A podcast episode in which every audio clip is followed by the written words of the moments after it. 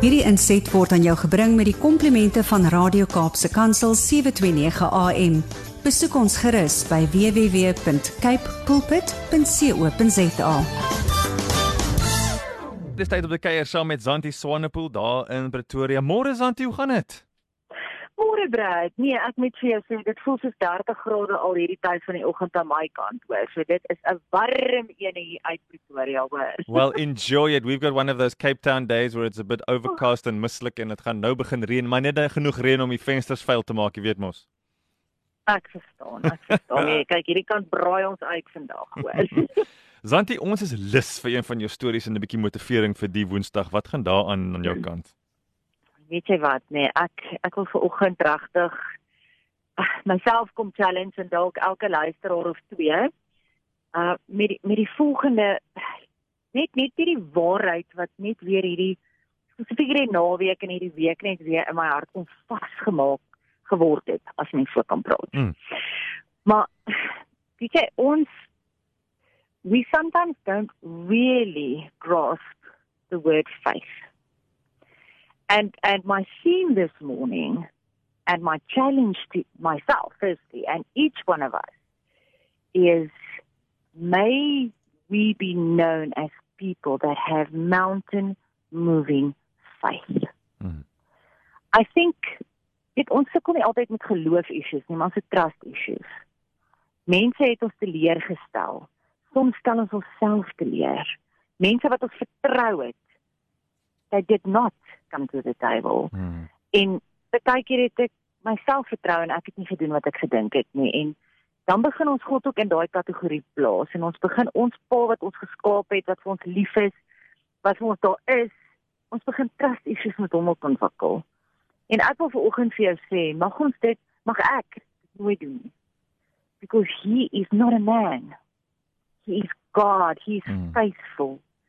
He is trustworthy mag ons hom nooit vergelyk met die mens wat my en jou soms seermaak en as ons onsself teleurstel nie. En my storie ek wil net eers baseer op die woord because nothing is more important than God's word. It is our food we eat every day and in Matthew 17 verses 20 it says and he said to them because of the littleness of your faith For truly I say to you, if you have faith the size of a mustard seed, mm-hmm. you will say to this mountain, move from here to there and it will move and nothing will be impossible for you.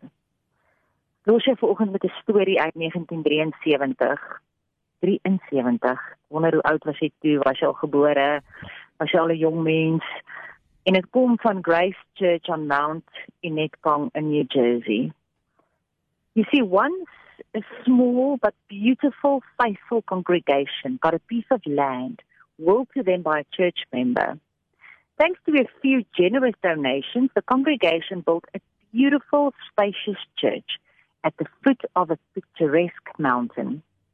When the new sanctuary was almost ready to open its doors, the local building inspector issued an official denial. The document stated that the parking lot was inadequate. The congregation would not be able to use the new sanctuary until the church doubled the size of the parking lot. Now, this seems quite like a, it's not a problem, but it was a huge problem because unfortunately the church had used every inch of their land for their sanctuary, mm. except for the mountain against which it had been built. So, in order to build more parking spaces, as the inspector said they had to do, they would have to move the mountain behind the church. Hmm. Undaunted, the pastor announced Sunday morning that he would meet that evening with all the members of the congregation who had mountain moving faith. That, there was nothing to do. I can just imagine. They would hold a prayer service asking God to remove the mountain from their backyard mm. and provide enough money to have it paved and painted before the dedication service. That evening, 24 of the congregation's 300 members assembled for prayer. I wonder if myself or you listening to this this morning would have been there that evening. Or maybe you would have thought the pastor has lost it completely. but only 24 rocked up that evening. And they prayed for three hours straight. Well, after that prayer meeting, the pastor announced that they will open the next Sunday as scheduled. They prayed and they believed God for moving this mountain because that was the only option they had. Mm. God has never let us down before, and I believe He will not let us down this time either. The next morning, as he was working in his study, there was a loud knock on his door. When the pastor opened the door, a rough, yeah, a rough-looking construction foreman appeared. Excuse me, Reverend. I'm from the construction company over the next county. We are building a new shopping mall over there, and we need some filling dirt. He said, Would you be willing to sell us a chunk of that mountain behind the church?